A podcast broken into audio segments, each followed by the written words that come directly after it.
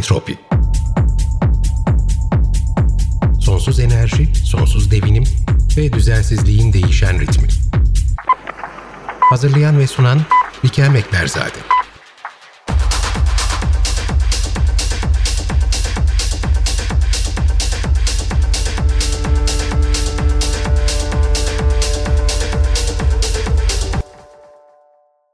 Fenoloji mevsimsel fenomenlerin yani olayların kaydını tutan bir bilim dalı.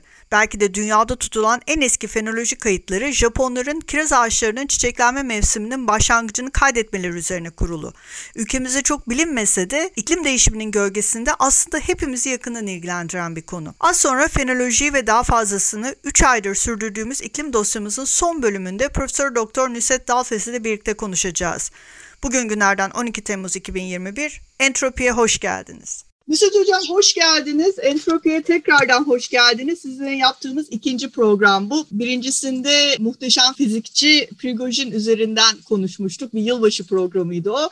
Şimdi sizin asıl ilgi alan, yani sizin birçok ilgi alanınız var ama ana ilgi alanlarınızdan bir tanesi son dönem özellikle fenolojiyi konuşacağız. Biz de biliyorsunuz Entropi'de bir iklim dosyası açtık bitkiler üzerinden özellikle ağaçlar üzerinden ve ormanlar üzerinden birkaç program yaptık. Bunların e, nasıl vekil veri olarak da kayıt mekanizması olarak da çalışabildiğinden bahsettik ve bizi iklim konusunda nasıl bilgilendirdiklerini anlatmaya çalıştık dinleyicilerimize. Şimdi aslında olayın e, merkezine doğru sizle birlikte bugün gidiyoruz. Konumuz fenoloji. Yani bunu sizden rica edeceğim ne olduğunu siz çok güzel anlatıyorsunuz ama aslında bitkilerin iklim dinamikleriyle birlikte ya da iklimsel dinamiklerle birlikte... Sadece dinamikleriyle ilgili bir değil. Yani bir şöyle söyleyeyim daha doğrusu. Heh, Sadece tamam, lütfen. bir, değil bir kere her şeyden önce. Bütün canlılar için söz konusu bu. Tabii. Bütün canlılar hani e, yaz gelince e, tatile çıkan insanlar da dahil olmak üzere hepsinin bir e, fenolojisinden bahsetmek mümkün. Şöyle diyelim aslında e, e, gezegenimizin bir temel bir özelliği var. O da gezegenimizde mevsimler var. E, yani dönüş ekseninin e, güneşin etrafındaki dönen e, düzleme göre eğik olmasından oluşan bir şey. Her gezegende mevsimler olacak diye bir şey yok ama bizim gezegenimizde mevsimler var. Onun için e, bizim gezegenimizin üzerindeki evrilmiş olan canlılar mevsimlerle hareket etmeye alışmışlar alışmışlar demeyeyim de alışmışlar aslında burada evrilmişler sözünün karşılığı olarak kullanıyorum. Ve e, bu böyle bir şey oluyor. Biz bir, bir, bir şekilde canlılara bir saat ayarı veriyor. Şimdi bu saat ayarı tabii şöyle bir şey unutmamak lazım. Her sene ki hava olayları bir önceki ve bir sonraki seneden biraz farklı. Bu hava olaylarının belli bir e, yılın belli bir döneminde e, hava olaylarının ne gibi hava olaylarıyla karşılaşacağımızın olasılıkları biz buna iklim diyoruz. Olasılığa iklim diyoruz. Aslında o, iklim dediğimiz şey bir olasılık. Ve iklim değişiminden bahsettiğimiz zaman bu olasılıklardaki değişmelerden bahsediyoruz. Yaptığımız iş o. Ama olasılık demek şu demek, her sene karşımıza başka bir gerçekleşme çıkıyor. Yani iklim başka türlü bir şekilde karşımıza çıkıyor. Ve o yılki sıcaklıklara göre, işte yağışlara göre, bir sürü iklim parametrelerine göre Canlılar da ona göre davranıyorlar. Evet canlılar çünkü bir takım şeylere kendilerini, kendileri evrilmişler. Kendilerini bir anlamda uydurmuşlar. Sıcaklık burada çok önemli. Ee, tabii toprak nemi de önemli. Fakat kolay kolay değişmeyen başka bir şey daha var. O da fotoperiyot dediğimiz yani günün e, gün uzunluğu. E, günde ne kadar ışık aldığımız hikayesi. O da çok önemli bir şey. Işık alan, e, çünkü biliyorsunuz bu işlerde ışık temel. Işık evet. e, bitkinin fotosentez için temel.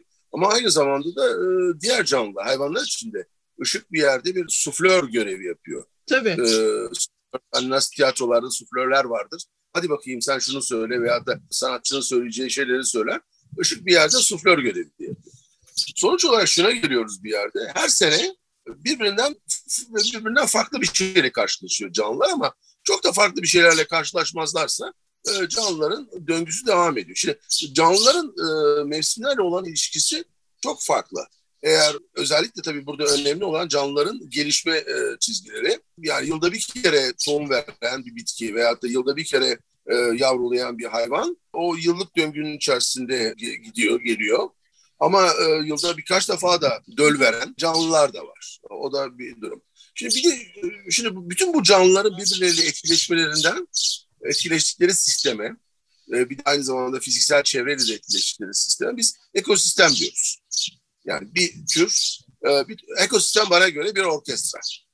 İçinde nasıl ki orkestrada bir sürü çalgılar var, burada da bir sürü farklı farklı türden birbirleriyle etkileşen, birbirinin e, birisi birbirinden beslenen veyahut da hatta bunun ötesinde böyle karşılıklı kazan kazan ilişkileri olan mesela e, bitkide poleni bitkiden bitkiye taşıyan, bitkinin döllenmesine yardım eden böcekle bitkinin ilişkisi olduğu gibi kazan kazan ilişkileri olabiliyor.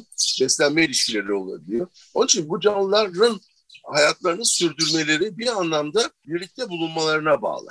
Hı hı. Bu birlikte bulunmanın önemi yani ki bu fenoloji sonucunda ortaya çıkıyor. Zamanlama sonucunda ortaya çıkıyor. Bunu şey gibi de düşünebilirsiniz. Yani bir inşaat yapıyorsunuz. Siz be, e, demirleri hazırladığınız zaman bir türlü beton geç geliyor. Aman hocam beton, beton demeyelim şimdi tam fenolojiden konuşurken inşaat. Beton, beton e, ya, çünkü şu, şu anda karşımda bir inşaat duruyordu o bakımdan. Yani parçaların birbirlerine zamanda uyumları çok evet. önemli. Evet. O yüzden çok önemli bir şey. Ve fenoloji bizim aslında gözleyebildiğimiz bir şey. Ve insanlar fenolojiyi çünkü doğanın bu ritimleri, akışı, geç kalması, ileri gitmesi e, insanları çok ilgilendiriyor. Çünkü insanlar e, uzun zamandan beri yani 10 bin yıldan beri kendi gıdalarını üretiyorlar. Evet kesinlikle. Yani sadece doğal gıdalar üretmesine izin vermiyor. Aynı zamanda kendi gıdalarını üretiyorlar. Tohum ekiyorlar. Tohumlardan işte ürünler çıkıyor. Hayvanları besliyorlar bunlarla. Hayvanların e, çoğalması önemli. Hı hı. Bütün bunlar sürüp gidiyor. O bakımdan tarım perspektifinden baktığınızda bu fenoloji dediğimiz şey önemli. Belki de en ciddi fenolojik gözlemler zaman içerisinde tarım tabanlı olarak yapılmış. Yani Kesinlikle. tarım amaçlı. Hatta araya bir parantez, ufak bir parantez açayım hocam. 2018 yılında Avrupa'da çok ciddi bir kuraklık yaşanıyor. Özellikle kuzey bölgelerde İsveç bundan çok etkileniyor. Ve o dönemde e, tarımın yapıldığı bölgelerde e, kuraklıkla da etkilenen ve hasat zamanı gelen çiftçiler çok randıman alamıyorlar. Ve bu o süre içerisinde buğday fiyatlarının çok ciddi bir şekilde yükselmesine neden oluyor. Benzer bir şekilde e, bundan etkilenen işte Rusya, Çin ve Amerika gibi daha büyük üreticilerde aslında pazardaki arz talep mekanizmasından kaynaklanan fiyatların e, getirdiği baskının etkisi altında kalıyorlar. Şimdi nereden nereye geldik? Yani biz burada aslında bitkilerin yeşermesinden, meyve vermesinden ve bunu belirli bir biyolojik zaman çerçevesinde ve aynı zamanda bunların da hayvan göçlerini etkilemesinden bahsederken birden cebimizi yakan bir durumla karşı karşıyayız. Çünkü iklimin beraberinde getirdiği potansiyel Tabii. ekstrem hava olayları. O yüzden o yüzden bunların gözlenmesi çok önemli. O, özellikle bitkiler perspektifinden baktığınızda bunları gözlemek için aslında birden çok yol e, iz, e, var. Ve, e, bizim e, ki o konuda başlı başına bir konu olarak ele alabiliriz bu, bu, bu programda. O da e, vatandaş bilimi. Vatandaş evet. bilimi çok önemli. Çünkü o zaman diyelim ki Türkiye'de siz 40 tane 50 tane bitki türü seçiyorsunuz. Ve insanlara diyorsunuz gidin bunları gözleyin. Ve bunların ne zaman gonca oluştuklarını, goncaların ne zaman açıldığını, e, ne zaman işte yaprakların e, bütün çiçeklerin açıldığını, ne zaman bunların dökülmeye başladığını, sararmaya başladığını bunları not edin diyorsunuz. Ve artık öyle bir zamanda yaşıyoruz ki bir şeyi not edip o gözlemi merkezi bir yerde topla, toplamak artık çok kolay bir hale geldi. Çünkü akıllı telefon dediğimiz bir şey var. Evet. Akıllı telefon bence şu anda etraftaki en önemli bilimsel e, araştırma aracı. Çok Hı-hı. önemli. İnsanların elinde onlar böyle bu akıllı telefonlarla yaptıkları gözlem fotoğraf çekmelerine de gerek yok. Gözlem yapsalar o da yeter ama üstelik fotoğraf da çekebiliyorlar. Bununla gözlemleri e, merkeze e, biriktirebiliyorlar. Bunlara biz e, vatandaş e, bilimci e, fenoloji ağları diyoruz ki bunda dünyada bunlardan bir sürü örnek var ve Türkiye'de de böyle bir ağ kurmaya çalışıyorum birkaç yıldan beri. O benim özel olarak yapmaya çalıştığım işlerden bir tanesi. Diğeri bir yere bir kamera koyuyorsun. O kamera belli bir e, tek bir bitkiye bakmıyor, bir bitki topluluğuna bakıyor. Evet, hatta bunlar fenoloji kameraları deniyor. Öyle değil mi? Evet, Fenomen diye geçiyor. Amerika'da bunlardan çok var. Türkiye'de de bir aralar bir takım projeler var tarım amaçlı olarak kullanılması ile ilgili. Benim şu anda e, bir takım e, orman yangın kulelerine monte edilmiş kameralarım var. O kameralarla e, bir bitki karışımına bakıyorsunuz. Yani orada tek tür, tek odunsu tür olacak diye bir şey yok ama bir manzaraya bakıyorsunuz. Hı hı. Bir peyzaja. O peyzajda çeşitli elemanları tabii onun içerisine gidip e, alt bölgelerine bakma imkanınız var. Bunları gözlüyorsunuz. Oradan onların yeşillenmesiyle ilgili bir gösterge, bir indeks alıyorsunuz. Ve o indeksin zaman içindeki gelişmesine bakıyorsunuz. Aynı işi uzaydan yapmak mümkün. gerek Avrupa'nın gerek de Amerikalıların atmış olduğu bir takım uyduların verileri e, rahatla herkes tarafından ulaşılabiliyor. Bir öğrenci buna yapmaya çalışıyor. Türkiye'deki MODIS verilerine dayanaraktan çeşitli orman türlerinden, orman e, türlerinin e, zamanlamalarına bakmaya çalışıyor. Evet. NASA'nın NASA'nın MODIS e, uydusunun e, aldığı Tabii. veriler üzerinden e, aslında yeşillik endeksine bakarak öyle değil Aynen. öyle anlatalım. Değişler Yeşillik tanımlamak mümkün ve buna bakıyorsunuz. Şu anda hatta ilk sonuçlarını da almaya başladık. Aşağı yukarı elimizde 18-19 senelik Burada e, veri var. e, yapraklarını döken ve yeşil ağaçlar bizim için önemli oluyor. Çünkü onların Doğru, doğru. doğru. ne zaman Yaprak yeşillenmeye başladıkları Yaprak öyle değil mi? dökmeyen, yaprak dökmeyen ağaçlarda tabii bu sinyal daha zayıf oluyor. Onu Evet. yakalamak biraz daha zor O oluyor. Yani zaman yaprak- şimdi çok güzel bir şeye değindiniz. Buradan böyle minik bir parantez açalım. Ee, sizin e, başlattığınız e, fenoloji ağını hatta e, bunu sosyal medyada bir aplikasyon haline de dönüştürmeye çalışıyorsunuz bir süredir.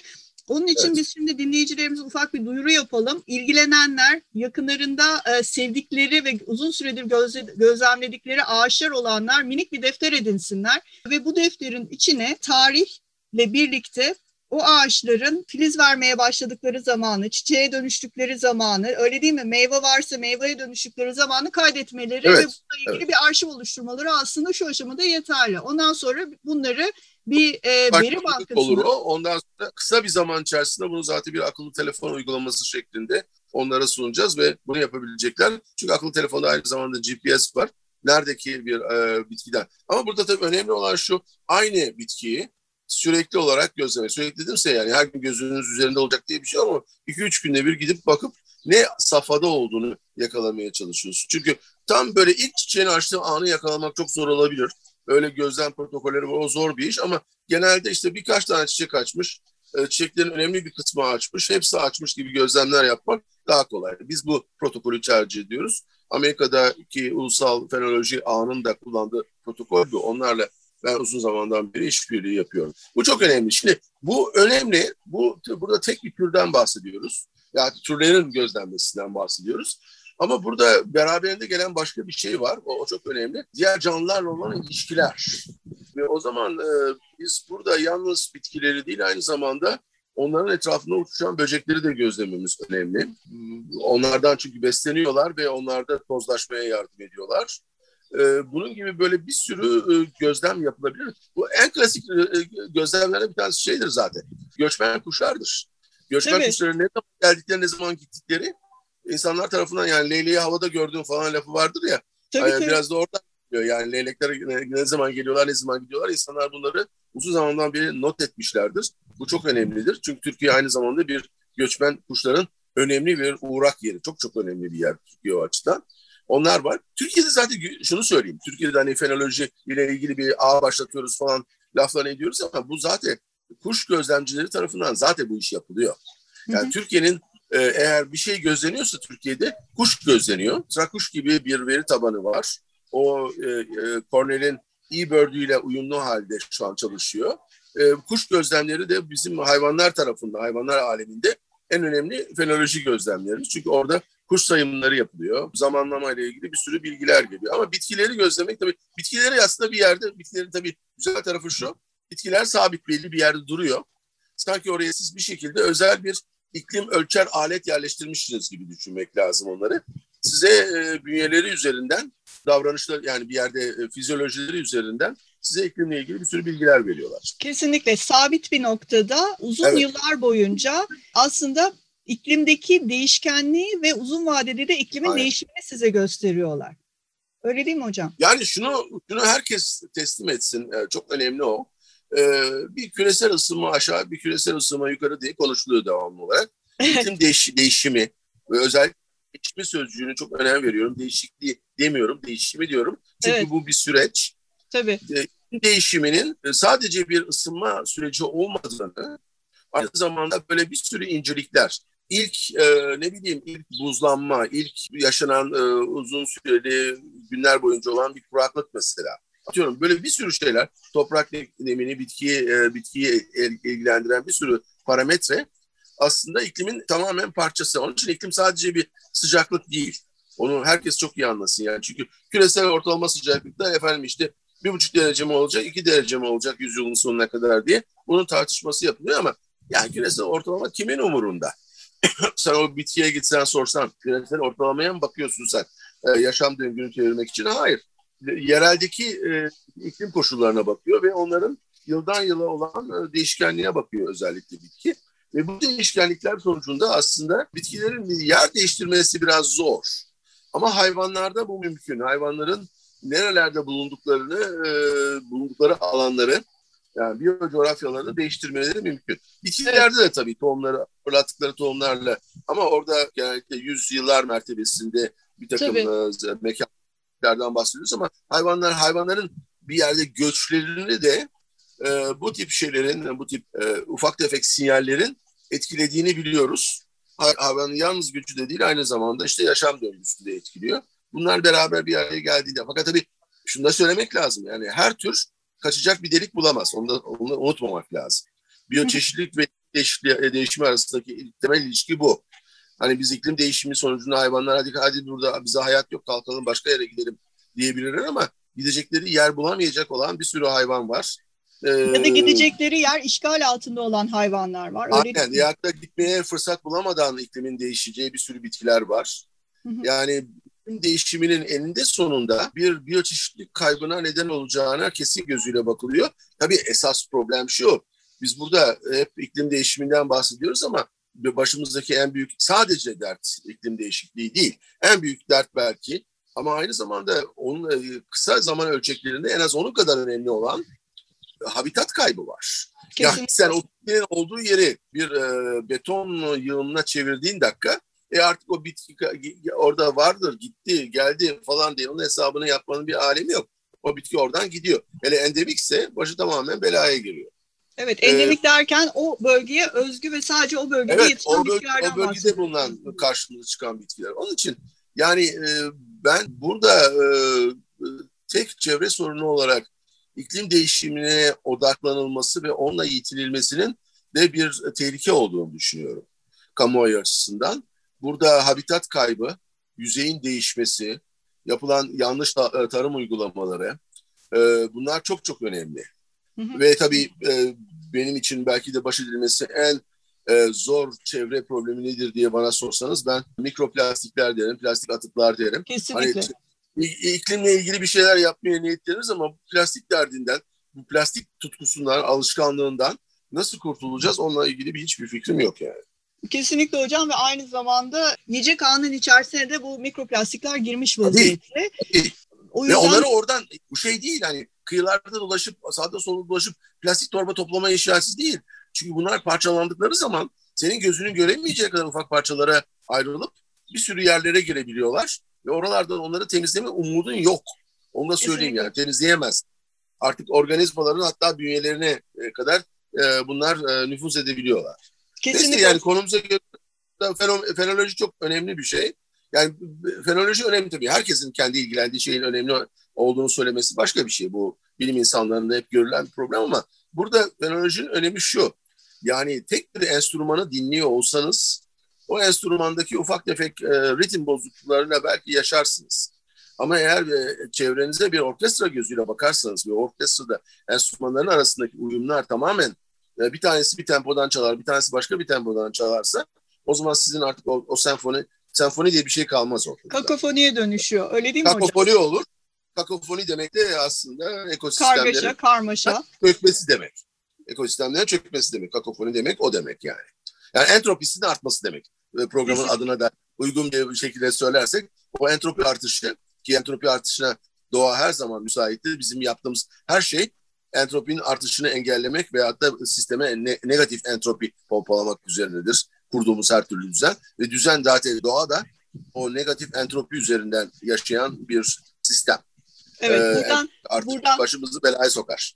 Evet, buradan Pilgurcu'ya tekrardan bir selam gönderelim. Aa, ee, kalan, değil mi? Kalan son 3 dakikamızda da hocam ben sizden biraz bu e, disturbance dediğimiz tahribatlar sonrasında ve bu tahribatların iklim değişimiyle e, değişimi sürecinde diyeyim e, ama iklim değişimi sürecindeki e, bu sürecin hızlanmasından kaynaklanan işte bu ekstrem hava olayları dediğimiz e, ya da diğer doğa tahribatlarını bunların içerisine antropojenik etkileri de ekleyelim. Hatta şöyle biraz daha geniş skaladan bakalım.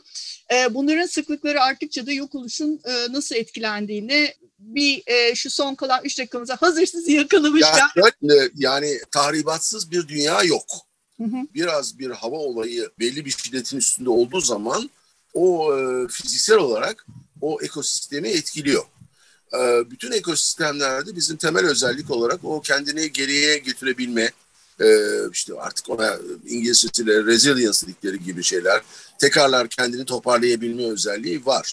Bir yere kadar var ve ondan sonrası e, şöyle bir şey var. Tahribat ne kadar büyükse ben sistemin kendisini toparlanması da o kadar uzun sürüyor. Şimdi tahribatların tahribatın hangi sıklıkta geldiği çok önemli. Ve iklim değişikliği de aslında bize o tahribatın sıklığını e, sıklığı da bir parametre. Nasıl demek ki e, gördüğümüz gibi böyle e, fenoloji adı altında e, her yıl gerçekleşen iklimin ufak tefek farklarının canlılar için ne kadar önemli olduğundan konuştuk.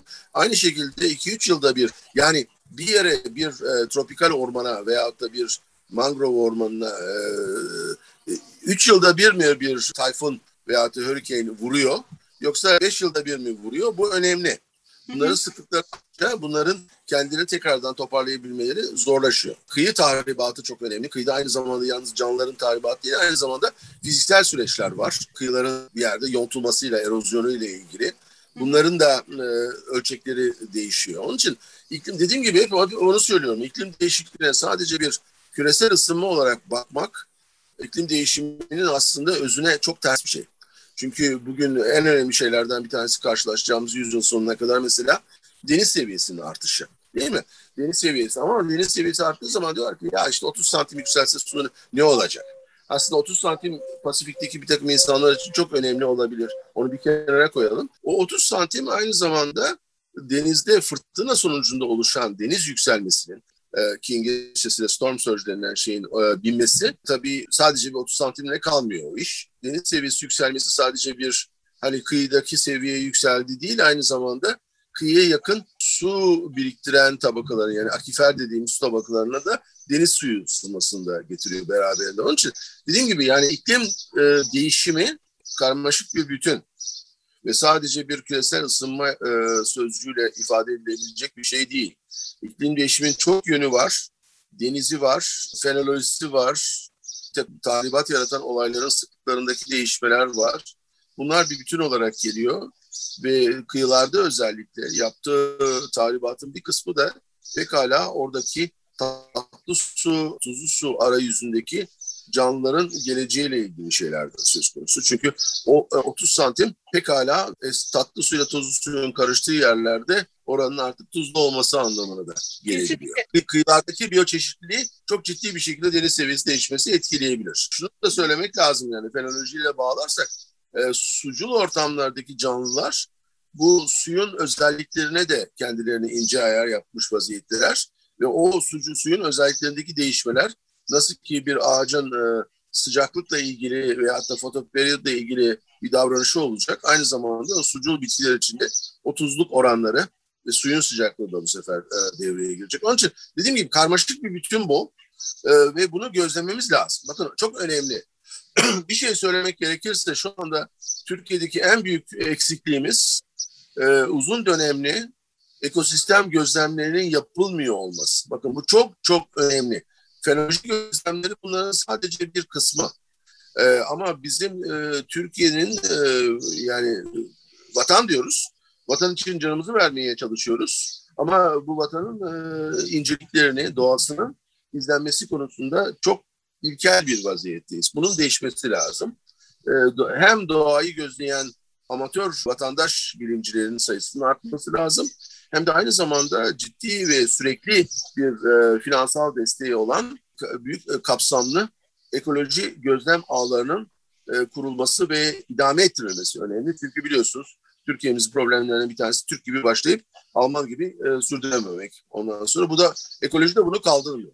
Ekoloji ancak uzun dönemli gözlemlerle anlamlı sonuçlar Evet hocam çok çok teşekkür ederiz. Vaktimizin sonuna geldik efendim bugünkü bölümümüzün ama ilerleyen e, bölümlerde sizi tekrardan davet edeceğim. Diğer sizin ilgilendiğiniz konulara e, değineceğiz. Burada gene iklim değişimini konuşuruz, e, gene fenolojiyi konuşuruz. E, belki hatta bu konularda çalışma yapan ikimizin de çok sevdiği e, bazı kişiliklerden de biraz bahsederiz. E, çok teşekkürler vakit ayırdığınız için. Memnuniyetle. Her memnuniyetle. zaman gibi çok keyifli bir program oldu. Görüşmek üzere efendim. Kolay gelsin. Kolay gelsin. İyi yayınlar.